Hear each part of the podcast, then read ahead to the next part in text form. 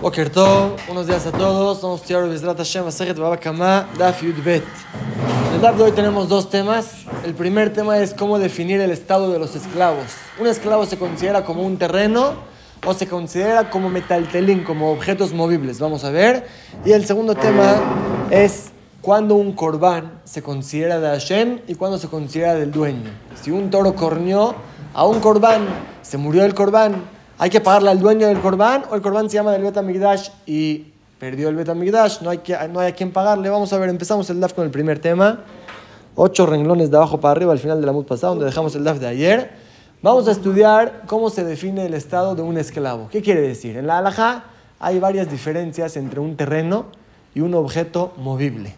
Hoy vamos a estudiar sobre tres diferencias. Primera diferencia, si una persona se murió y dejó deudas, vienen los acreedores a cobrarse de la herencia. Hoy en día la alhaja es que se cobran de cualquier cosa que dejó el muerto, sea terreno, sea dinero, sea objetos, utensilios, lo que deje se cobra. Por el tiempo de la Yomara, el acreedor de un muerto se cobraba solamente de los terrenos que dejó. Si dejó objetos movibles o dinero, no se cobraba de ahí la deuda, solamente de terrenos. Una diferencia. Otra diferencia es el concepto de prosbol. La Torah dice que cuando llega el séptimo año, el año de la Shemitah, si uno no cobró su deuda, expira la deuda, ya no se puede cobrar. Jajamim decretaron para que la gente no se impida de prestar, que se pueda escribir un documento que se llama prosbol. Se escribió ese documento, ya se puede cobrar la deuda, aún después de que pasó la Shemitah.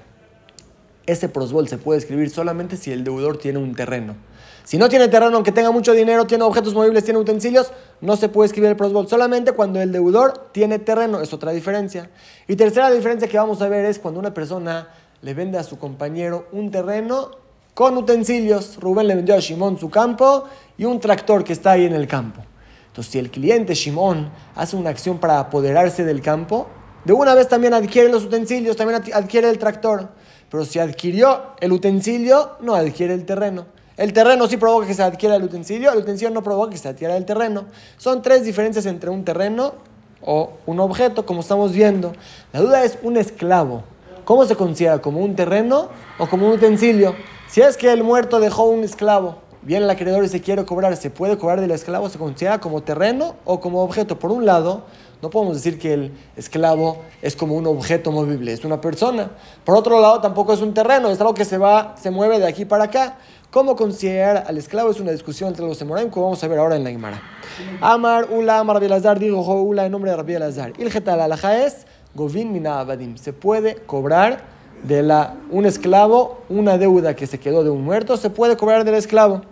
Así dijo Ula en nombre de Rabbi Elazar. Amar a Rabnachman Ula, le preguntó a Rabnachman a Ula, Amar Rabbi Elazar, afilu miat Mesías, sí, se refirió a Rabbi Elazar, aún de los huérfanos, de los herederos, se puede cobrar la deuda de los esclavos, o sea, el esclavo se define como una tierra. Le dijo, lo, Miné, estamos hablando de cobrarse del deudor mismo en su vida. Preguntó Miné, filu miglimad al cobrarse de él se puede cobrar aún la ropa que tiene encima de sus hombros. Se puede cobrar de cualquier cosa que tenga. Aquí estamos hablando, si es que hay un hidush, es de los huérfanos, de los herederos, no de cobrarse de él mismo. Le contestó a Jamás, quien aquí estamos hablando Shazao Apotiki, que la persona hipotecó su esclavo a la deuda, que de Raba, como dijo Raba, de Ama Raba, él dijo, hasta Abdo Apotiki, si la persona hipotecó su esclavo a la deuda, un jaro y después lo vendió. Jof menos el acreedor se lo cobra porque lo hipotecaron a la deuda. En cambio, Shoro Apotiki, si la persona hipotecó su toro, un jaro y lo vendió, en Balhov menos el acreedor no se puede cobrar de él. Maitama, ¿cuál es la diferencia? Los dos se hipotecaron a la deuda. Ait lekala, vealet lekala. Eso se publica y esto no se publica. O sea, cuando hipotecan a un esclavo, todo el mundo se entera que lo hipotecaron. Es algo que se pregona. Ahí, si compraste el esclavo, podrías averiguar antes si está hipotecado o no. Lo compraste sin averiguar, lo pierdes, el acreedor te lo cobra. En cambio, en el caso del toro, la gente no se entera que lo hipotecaron. Entonces el cliente vino, compró un toro, no se lo puedes quitar, no sabía, no podía averiguar, es la diferencia. Pero así le dice Ula a Nachman, sobre eso dijo Rabbi Elazar que se puede cobrar de los esclavos. Ahora en caso que hipotecaron al esclavo, se puede cobrar al acreedor de él. Pero no está hablando de definir el esclavo como un terreno para cobrarse la deuda de un muerto, eso no.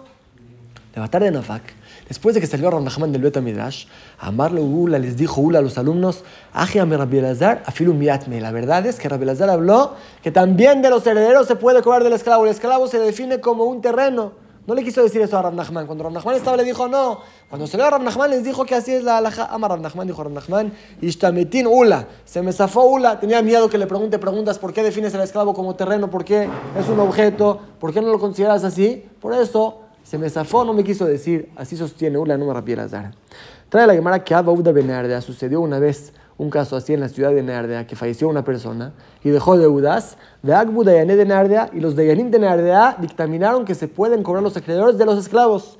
Y a Uda Pumedita sucedió lo mismo en Pumedita, de Agbe Rabnachman Barbizna. Y Rabnachana Barbizna fue y le dijo a los herederos que deben de pagar de los esclavos que dejó el papá. Quiere decir que ellos definen los esclavos como terrenos que deja el papá. Amarlu Rabnachman les dijo a a los Dayanim de Pumedita y a este, de Nardea y a este Jajam, Zilu a Adoru, vayan, regresen a los herederos los que les cobraron, de Hilo, y si no lo van a hacer, Magdinan Lejulapadanaihu. Yo voy a meterme y les voy a cobrar sus palacios para pagarle a los herederos. O les pagan o les pagan, así les dijo Rav Nachman a estos Dayanim. Amal Rav Nachman le preguntó a Rav Nachman, ¿por qué? Haula, estaula. A Rabbi Elazar, está también Rabbi Elazar. A Dayanim de Nardea, están los de Nardea. Ve a Rav Hanam Arbizna, estos, todos esos Jajamim sostienen que el esclavo se define como un terreno y si la persona se murió, dejó una deuda, aunque no dejó terrenos, se puede cobrar de los esclavos. Morkemans, mírale, usted que le discute a todos estos como quien sostiene, ¿por qué les discute? Amar le dijo, Ana Matnita y Adana. Yo conozco una garraita que me apoya, el tan Avimi que me enseñó Avimi. Dice Avimi, Prosbol, este documento de Prosbol que se escribe para que no expiren las deudas, jala la carca, vean o jala la Se puede escribir solamente si el deudor tiene un terreno, no si tiene esclavos. Lo mismo metal telim, si la persona compró un campo y unos utensilios, entonces los utensilios carga se pueden adquirir de una vez con el terreno, pero no con los esclavos. De esta verdad claramente se entiende que el esclavo tiene una definición de un objeto movible, no de terreno.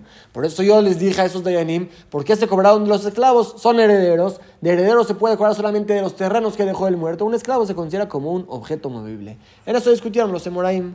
Dice la Gemara Lema que Tanae, digamos, que esta alajá está discutida entre los Tanaim. Por un lado dice la Braita, Majarlo a Badim Bekarkaot. Si Rubén le vendió a Shimón terrenos y esclavos. Cuando Shimon adquiere los esclavos, lo Karkaot, no adquiere los terrenos. Va Karkaot también cuando adquiere los terrenos, lo Abadim, no adquiere los esclavos. La Gemara va a explicar, entonces decídete. Si el esclavo es como un terreno, entonces parte del terreno. Si el esclavo es como un objeto movible, entonces cuando adquieres el terreno debes de adquirir los esclavos. Vamos a ver, pero así dice la braita. Siguiente alajá, Carcaotu telim. Si Rubén le vendió a Shimón terrenos y objetos movibles. Si es que Shimón adquiere el terreno, de una vez adquiere también los utensilios, como dijimos. Ve telim, no canacarca, pero si adquiere los utensilios, no adquiere el terreno. Tercera alajá, metal telim. Si es que le vendió Rubén a Shimón esclavos con utensilios. lo telim. Si adquiere los esclavos, no adquiere los utensilios. Ve telim, lo canabadim. Si adquiere los utensilios, no adquiere los esclavos. Quiere decir, esta verdad claramente se entiende que el esclavo se define como un objeto, no como un terreno. De Ataña, pero por otro lado tenemos otra verdad que dice, cuando uno adquiere los esclavos, también adquiere los utensilios. Maila, se entiende que no se discuten. De La segunda verdad opina que el esclavo es como un terreno, por eso cuando adquiero al esclavo, adquiero de una vez los utensilios como si fuera un terreno. Y el otro sostiene, la primera verdad, los esclavos son como objetos, como utensilios. Cuando adquieres el esclavo, no hay por qué que adquieras los demás utensilios. Al parecer, en esto están discutiendo las dos veraitot y la Gemara va a decir que no. Podemos explicar las dos veraitot con la misma opinión. Primera explicación, a Rabí Cabré de Rabami contestó esta jajam. Podemos decir que de kule alma, Abadim Kimkar quédame. Los esclavos se consideran como terrenos.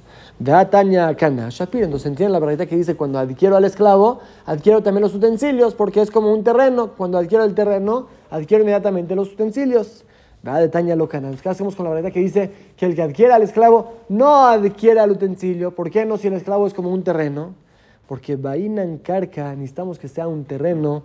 Dumia de Arim Etzurot Biudá comparado a, los, a las ciudades amuralladas de Yehudá, de lona y de que no se pueden mover de su lugar. ¿Qué significa? La Gemara va a explicar que esta alajá que aprendimos, que cuando uno adquiere el campo, adquiere de una vez los utensilios, se aprende de un caso que les regalaron a los hijos del rey ciudades amuralladas. Y con las ciudades amuralladas adquirieron de una vez todos los demás regalos. Si es que se aprende de ahí, debe ser igual que ahí. Así como ahí es una ciudad amurallada que no se mueve de un lugar a otro, también este esclavo, aunque se considere como terreno para diferentes alajot, pero para esta alajá debe ser que no se mueva de su lugar, ya que el esclavo se mueve de su lugar, no se puede adquirir. Vamos a ver Ditnan, como la Mishnah Masajet Kedushin dice, Nehasim Shen bienes que no tienen responsabilidad, o sea, cualquier utensilio que se puede robar, se puede llegar a perder. Niknim se adquieren de una vez con bienes que sí tienen responsabilidad un campo, de acá o pagando dinero, o recibiendo el documento de compraventa, o apoderándose del campo. Si uno adquiere el campo, de una vez adquiere los utensilios. Menanem, y le dijo la Gemaray en Masajet Kidushin, ¿de dónde se aprende esto? Amar Hizkia contestó Hizkia a Amar, porque el Pasuk dice, como dijimos, un rey de Yehudá le regaló a sus hijos, los príncipes, varios regalos, Baitena bien les dio su, su papá a ellos, matan otra bot diferentes regalos, la Kesef, la Zab, la Midanot, oro, plata y Maremetzurot Viudá, como lo adquirieron con las ciudades amuralladas que les regaló para que gobiernen ahí. ¿Se entiende? Que para esta alajá, que adquiriendo el campo se adquieren los utensilios, debe ser que sea una ciudad como una tierra que no se mueve. Un esclavo, aunque se defina como un terreno, pero sí se mueve y por eso esta alajá no aplica en él. Primera explicación. Y de hambre, hay otra versión. Que ama Rabí que de Rabami o de Ravidi él contestó al revés, de Kula alma de que metal telinda. Me podemos decir que según todas las opiniones, todas las veraitot, los esclavos es como objetos movibles, no como terrenos. Va de Taña lo Shapir. Entonces ya se entiende la verdad que dice que un esclavo, cuando adquiere un esclavo, no adquiere los utensilios que vienen en paquete, no lo adquiero, porque el esclavo no es como un terreno, es como un objeto. A de Taña ¿Y qué hacemos con la verdad que dice que sí adquiero? Estamos hablando de Beodan Alab cuando los utensilios están sobre el esclavo. Ahí cuando adquiero el esclavo, adquiero de una vez también los utensilios que tiene encima. Si los utensilios están en otro lugar, ahí el esclavo no puede adquirir de una vez también los utensilios. Si es que están sobre él, ahí se adquiere en paquete. Pregunta la ¿por qué? Vejibadan el aunque estén los utensilios sobre él, ¿qué ganamos con eso? Hatzerme alejeti es un terreno movible. Ya dijimos que cuando un campo se mueve, este esclavo que se mueve, un esclavo, un, un terreno movible no adquiere lo que tiene encima. Vegiteima es decir, no estamos hablando cuando el esclavo estaba parado. Y ahí lo adquirió el cliente, no se está moviendo. Nos sirve, va amarraba, si dijo Raba, kol o Algo que si estuviera caminando no adquiriría, aunque ahora está parado o está sentado, tampoco adquiere porque tiene la opción de moverse. No se compara a un terreno, dice la Gemara Vilgeta Bekafut. Vamos a explicar que este esclavo está amarrado. Cuando está amarrado no tiene opción de moverse, es igual que un terreno. Ahí es cuando si tiene un utensilio encima yo adquiero el esclavo, adquiero de una vez el utensilio. Ya no hay ninguna pregunta, entonces podemos explicar que las dos varaitos sostienen que el esclavo es como terreno, podemos explicar que las dos varaitos sostienen que el esclavo es como objeto movible. No hay discusión. Pregúntale a Gemara, por ahí otra tercera veraita. Gataña, dice la veraita. Bakarka. Si es que adquirió el terreno, de una vez adquiere los esclavos. Arriba dijimos que no. Cuando uno adquiere el terreno, adquirió solamente el terreno, no los esclavos. Aquí dice esta veraita, adquiere el terreno, de una vez también adquiere los esclavos. La Gemara analiza. Si vas a decir que Atan Beomdim Betoja, estamos hablando que los esclavos están dentro del terreno, por eso adquiriste una vez el terreno con los esclavos. Entonces, cuando no adquiere? Cuando adquirió el campo y los esclavos están en otro lugar, esa va a ser la diferencia. Si adquiero el terreno y los esclavos están dentro del terreno, adquiero todo de una vez. Si adquiero el terreno y los esclavos están en otro lugar, no lo adquiero. Entonces, vamos a entender por qué no. Anija la Está bien, según la segunda versión de Amarradi Cabrera de Rabami que dijo esta jajam abde que metal teledame, que los esclavos son como utensilios. Ay, no de yom dime tojain. Y lo, por eso hacemos esa diferencia. Si está el esclavo dentro del terreno, adquieres todo en paquete. Y si no, no, porque se compara a un utensilio. El Alea Krishna de Amarradi que me cargue dame, pero según la, primera versión, las palabras de Rabbi Cabrera de Rabami, que el esclavo se compara a un terreno, la maliom dim betoja. ¿Para qué visto que el esclavo esté parado dentro del terreno? Amar Shmuel, se dijo Shmuel la siguiente alhaja. Bajarlo es el Sadot el Medinot. Si Rubén le vendió a Shimon 10 campos en diferentes países, 10 campos, cada campo está en otro país. Si es que el cliente se apoderó de un campo, de una vez adquiere los otros nueve. Porque como lo va a decir más adelante, todo el mundo está conectado. Aunque haya mares entre país y país, pero por abajo está todo conectado. Cuando uno adquiere una tierra, es como que se adquirió todas las tierras que están conectadas a ella. Pregúntale a Gemara si el esclavo se compara a un terreno. ¿Por qué cuando adquiero el terreno no adquiero el esclavo? Aunque no está aquí parado, pero se considera que está todo conectado, así dijo Shmuel. Dice la Gemara Belita, mi a ver, según tú, según la segunda versión que entendiste, la de que según la versión que el esclavo se define como un objeto, la Maliomet Betoja también hay. ¿Para qué listo que el esclavo esté parado dentro del terreno? Acá y Malán, de lo Bainan Seburim, sabemos que la alhaja es que no necesitan estar los utensilios dentro del campo. Si está el campo con el tractor adentro y adquiero el campo, claro que adquiero el tractor. Pero también si está el utensilio en otro lugar, ya que me vendieron todo en un paquete, Adquiriendo el campo, adquieres también los utensilios. Entonces, ¿para quién dices que el esclavo esté dentro del campo? En la marita si no afuera, ¿qué vas a contestar? Ya le metal tele de naide, mi metal tele de naide. Hay una diferencia entre utensilios que no se pueden mover de su lugar y un esclavo que se puede mover de un lugar a otro. Pero solamente si está dentro del terreno lo puedes considerar como parte de toda la venta. Está en otro lugar, ¿no? A Haname también, si consideramos al esclavo como terreno, podemos contestar, Shane mekarke de naide, mi mekarke de naide. Hay diferencia entre un terreno que se puede mover y un terreno que no se puede mover. Quiere decir, todo lo que Shmuel dijo, que si adquiero un terreno, adquiero los otros nueve, es cuando son terrenos físicos que no se pueden mover. Que Abda me carque de Naideum. El esclavo es un terreno, afilo que lo definas como un terreno, pero se mueve de un lugar a otro. Atam Sadna de Arajadu. Ahí todo el mundo es uno. La lógica de Shmuel es cuando adquieres un terreno, adquieres todos los terrenos que están conectados, los otros nueve también. Pero un esclavo, aunque lo definas como terreno, se mueve de un lugar a otro, no está conectado a la tierra. Ahí no está la lógica de Shmuel. Cuando adquieres uno, adquieres también los esclavos. Es la diferencia si está el esclavo dentro del campo o está afuera. Cuando terminamos el primer tema del DAF, como vemos, hay cosas que el esclavo se define como un terreno y hay cosas que no. Y pasamos a la segunda parte del DAF. Dijimos en la Mishnah, Nehasim Shen Meila. Quiere decir, cuando mi toro daña, debo de pagar solamente si dañó a un animal que no se profana. ¿Qué significa que no se profana? Que no es del Betamigdash. Algo que pertenece al Betamigdash, si la persona lo usa indebidamente, profana su, su, santidad. Algo que no se profana, un animal normal, simple, de una persona normal, ahí es cuando si mi toro lo corneó, debo de pagar. Pero si mi toro corneó a un animal que le pertenece al Betamigdash, se aprende el pasuk que estoy exento. El Betamigdash perdió su toro y yo no necesito pagar. Así se aprende del pasuk. Pero la Gemara deduce de lo que dice Sheen Baem Meila, que Meilau delet Beu solamente no aplica la prohibición de profanarlo. Han Migdash Kache, pero se entiende que sí son animales sagrados.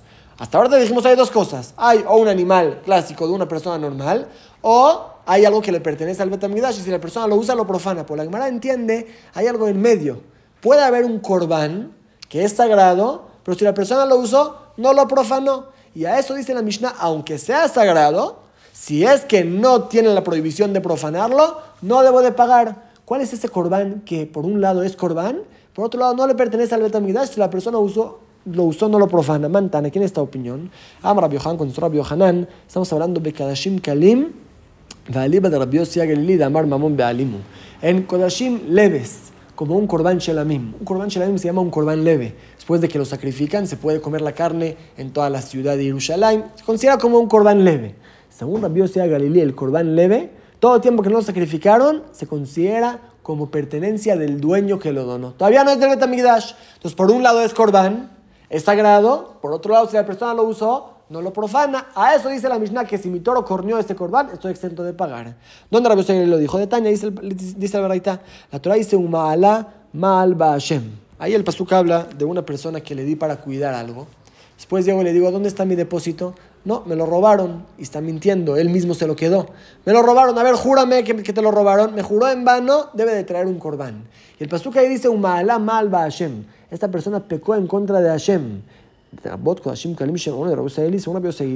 viene a aumentar que también si lo que le di de cuidar era un corbán, un corbán leve, ahí también se considera como mi pertenencia y por eso si me juró en vano me debe de, debe de traer un corbán de Betamidash. Por jurarme en vano no se llama un corbán que no te pertenece, sí me pertenece. Así opina Rabbi Yossi Entonces, según Rabbi Yossi existe este concepto de un corbán que me pertenece y ahí si el toro lo corneó también está exento aunque me pertenece, pero de todos modos ya que es un corbán es algo que no se profana, ahí sí debes de pagar. Pregunta la Gemara, una pregunta. Atnan dice la Mishnah en Masajet Kiddushin, a Mekadesh Bejelko, un Cohen que, que, que, consagró a una mujer con su parte que recibió del Corbán. El Bet Migdash le repartían los Kohanim su parte de la carne. Agarró su parte, se lo dio a una mujer como Kiddushin. Ven Koche Kadashim, ven Kadashim Kalim, si es un Corbán estricto, tanto si es Corbán más leve, siempre en Mekudesh, esta mujer no es Mekudesh, no es consagrada, porque se entiende, porque al Cohen no le pertenece esta carne, te dieron derecho de comértela. Pero no es tuya la carne para que puedas consagrar a una mujer con esto. Ley de lo que Rabbi Digamos que esto no concuerda con Rabbi Saili. Según Rabbi Saili, el corbán es del dueño. Dice la Gemara, no. A última Rabbi Saili, también según Rabbi Saili, que llama Rabbi Saili Mejaim. Rabbi Saili habló es antes de sacrificar el corbán. Cuando doné mi animal para corbán, todavía se llama mío. no se profana, pero todavía se llama mío. Abalajar Shita, pero después de que ya lo traje al Betamigdash, ya lo degollaron, ya lo sacrificaron, a Filo Rabio Seguili Modé también, Rabio Seguili reconoce de que Kazahu, Mishluhan Gabo Kazahu, que también la carne que recibo, la recibo de la mesa de Hashem. Como diciendo, Hashem recibió toda la carne y él me da el derecho de comer esta carne en Jerusalén. Pero no que la carne es mía. También Rabbi sostiene que todo eso solamente en vida del Corbán. Después de que ya lo degollaron, ya el Corbán se hace de Hashem y también si puedes comértelo, tienes derecho nada más de comer, no se hace tuyo, no puedes consagrar a una mujer con esto. Sigue preguntando la Yomara, Umejaim mi amar, y cuando el corbán está vivo, si así es, según Rabbi Yosegili, que el corbán te pertenece a ti, si lo cornearon te deben de pagar. Vamos a ver la pregunta, dice la Mishnah, mejor, un mejor es un animal primogénito, que la Torah dice que hay que llevarlo al Betamigdash para sacrificarlo, a menos que le caiga un defecto, que allá no se puede sacrificar, y se le entrega al Cohen, el Cohen se lo come. Mejor, Mojrimoto se le puede vender a otra persona. Tam Hai, si está completo, se puede vender todo el tiempo que está vivo. Se lo vendo al cliente, que el cliente le debe al Betamigdash. Saltamos el paréntesis. Uvalmum, y si tiene un defecto, se puede vender Hai Veshahut. Tanto si está vivo, se lo vendo a un cohen para que se lo coma. Tanto si está degollado, le puedo vender la carne para que la gente se lo coma. Ya se puede comer. Un Kadshimbo Taisha. Y se puede consagrar con esta carne a la mujer. Explicó Estamos hablando que se puede consagrar a una mujer con esta carne es hoy en día, de que van de lojas de la gravedad que no se puede sacrificar el Bet Migdash. Y la Kohanim entonces se considera como pertenencia a los Kohanim, pueden consagrar a una mujer con esta carne. Al Bisman Bet Migdash que dejas de la gravedad por el tiempo que el Bet Migdash existía, que este Corbán, este mejor hay que llevarlo al Bet Migdash para sacrificarlo, no se puede, no sirve que un Kohen consagre a una mujer con esta carne porque no le pertenece a él. Tiene derecho de comerla, pero no tiene no es de él para consagrar a una mujer. Veiti le preguntó a Rabbi Nachman, la paradigma que dijimos antes, al Hashem, de esta persona que pecó en contra de Hashem, que juró en vano, se aprende el rapot que Hashem Kalim Shamono de Rabbi Saili, según Rabbi un corbán leve se llama tu pertenencia, un mejor es un corbán leve, se puede comer en todo Jerusalén, ¿por qué no se llama pertenencia del cohen para consagrar a una mujer? Umeshane Rabina y contestó Rabina, estamos hablando de Bejor Bejutz que este primogénito nació fuera de Eretz Israel. Valiba de Rabbi Shimon, según la opinión de Rabbi Shimon de Amar, que él dice, Imbaut mi Si es que trajiste el mejor de fuera de Eretz Israel, el Betamidash lo recibe y lo acercan. Se entiende que Imbauin, solamente si ya lo trajiste, el Jatejila no, pero el Jatejila, déjalo ahí, no hace falta traerlo al Betamidash. Según Rabbi Shimon, este mejor, en el tiempo del Betamigdash también no habría que traerlo. Y por eso el Cohen que consagró a una mujer con eso es Kiddushin. Así contestó, así contestó Rabina. De imita, y si en verdad estamos diciendo de que ama Rabbi Sa'ilim Amonou Mejaim, que según Rabbi Sa'ilim, él discute a Jajaim, él dice un cordán leve, se llama pertenencia del dueño en vida, entonces, Shane, ¿por qué no contestamos más fácil? No es contradicción, sino a Rabbi y a Rabbanán. Es una discusión entre Rabbi y Jajamín. Según Rabbi y este corbán se llama pertenencia del dueño. Y por eso, si consagró a una mujer con eso, sí es consagrada. Según Jajamín, no es pertenencia del dueño, solamente que tiene derecho para comer, por eso no es consagrada. ¿Por qué no contestamos que esa es la diferencia entre las dos berraitos? Se entiende que también según Rabbi en vida no es pertenencia de la persona. Contesta la Gemara Matnot que una Marta, que me estás preguntando sobre regalos de los Kohanim, el mejor es un regalo que se le da al Cohen. Akadosh Baruj ordenó que el Yehudi del primogénito al Cohen. Shane Matnot una es diferente, los regalos de los Kohanim de Hikazahu, Mishulchan Gaboa Kazahu, que lo que adquieren es de la mesa de Hashem. Es como diciendo, Hashem adquiere todos los primogénitos y se los regala a los Kohanim. Ahí es diferente. Ahí todo el mundo reconoce que esta mujer no debe ser consagrada con el mejor. No le pertenece al cuento, solamente tiene derecho de comerse la carne. Por eso debemos de contestar cuál es el caso que un corbán leve es pertenencia de la persona cuando es en Hutzalaretz, que de por sí no se trae el Betamigdash, pero así nada más, sí es pertenencia del Kohen en un caso normal es pertenencia de Hashem y por eso la mujer no va a ser consagrada. Dejamos aquí el DAF de hoy y vamos a repasar los dos temas que estudiamos. Al principio del DAF estudiamos varias alajot. Primera alaja lo que dijo Raba, si la persona hipotecó su esclavo a una deuda y después lo vendió, si el acreedor se lo puede cobrar, porque un esclavo hipotecado se publica. ¿Para qué lo compras? Lo compraste, ahora lo pierdes, el cliente no puede decir nada, el cliente puede ir con el vendedor y cobrarle el dinero, pero el acreedor se lo puede quedar al cliente. En cambio, en caso que la persona hipotecó su toro, su animal, que eso no se publica, y alguien lo compró, ahí el acreedor no se lo puede, no se lo puede quitar al cliente. Primera alhaja. Segunda alhaja estudiamos en el caso de prosbol, que se escribe para que no expiren las deudas. Se puede escribir solamente si el deudor tiene un terreno. Si el deudor tiene un esclavo, el esclavo se considera como un objeto, no como un terreno y no sirve escribir el prosbol. Tercera alhaja, si la persona va a comprar en paquete un campo con metaltelín, con objetos movibles. Entonces, si adquiere el campo, adquiere también los metaltelim. Si adquiere los metaltelim, no adquiere el campo. Siguiente caso, si la persona va a comprar un esclavo con unos metaltelim, Ahí, si el esclavo está amarrado y tiene utensilios encima de él, adquieren paquete en los metaltelim. Pero si no está amarrado, está moviéndose, aunque tenga los metaltelim encima de él, o los metaltelim no están encima de él, aunque esté amarrado, no se adquieren. Y con más razón, cuando uno adquiere los metaltelim, que no adquiera los esclavos. Siguiente caso, si la persona adquiere un campo con un esclavo, ahí también depende. Si el esclavo está dentro del campo, adquiriendo el campo, se adquiere el esclavo. Si el esclavo no está dentro del campo, adquiriendo el campo, no se adquiere el esclavo. No se compara a uno que adquiere diferente diferentes campos en varios lugares que ahí adquiriendo un campo se adquieren todos. Ahí están conectados todos por abajo. Por aquí, que es un esclavo que se mueve, no está conectado a la tierra. Nada más cuando el esclavo está dentro del campo, ahí se adquieren paquetes. Si no, no. Ese fue el primer tema del DAF. El segundo tema del DAF fue cuando consideramos un corbán como pertenencia de uno y cuando no. Dijimos que si es coche Kadashim, ahí según todos es pertenencia de Hashem, del Bet Si mi toro lo corneó, no debo de pagar, es del Bet en cambio, en caso que es un Kodashim Kalim, un corbán más leve, ahí hay discusión. Según Jajamim también, ya que es un corbán si lo dañaste, no pagas. Según Rabbi Yosef cuando es Kadashim Kalim, ya que no se profana cuando la persona lo usa, se considera pertenencia de su dueño. Y si mi toro lo corneó, le debo de pagar. En eso discutieron Jamim y Rabbi Yosef Vimos también la diferencia. ¿Qué diferencia hay si es tu pertenencia o solamente tienes derecho de comerte la carne? No solamente para si lo cornearon. También un Cohen que agarró su carne, que le dieron, consagró con eso a una mujer, depende de eso. Si es que es tuyo del coger, puedes consagrar a la mujer. Si solamente tienes derecho de comer, pero no es tuyo, no puedes consagrar a la mujer. De eso va a depender. Y como vimos, en una discusión entre Rabbi y Jajamim, la alajá queda en discusión. Dejamos aquí el de hoy.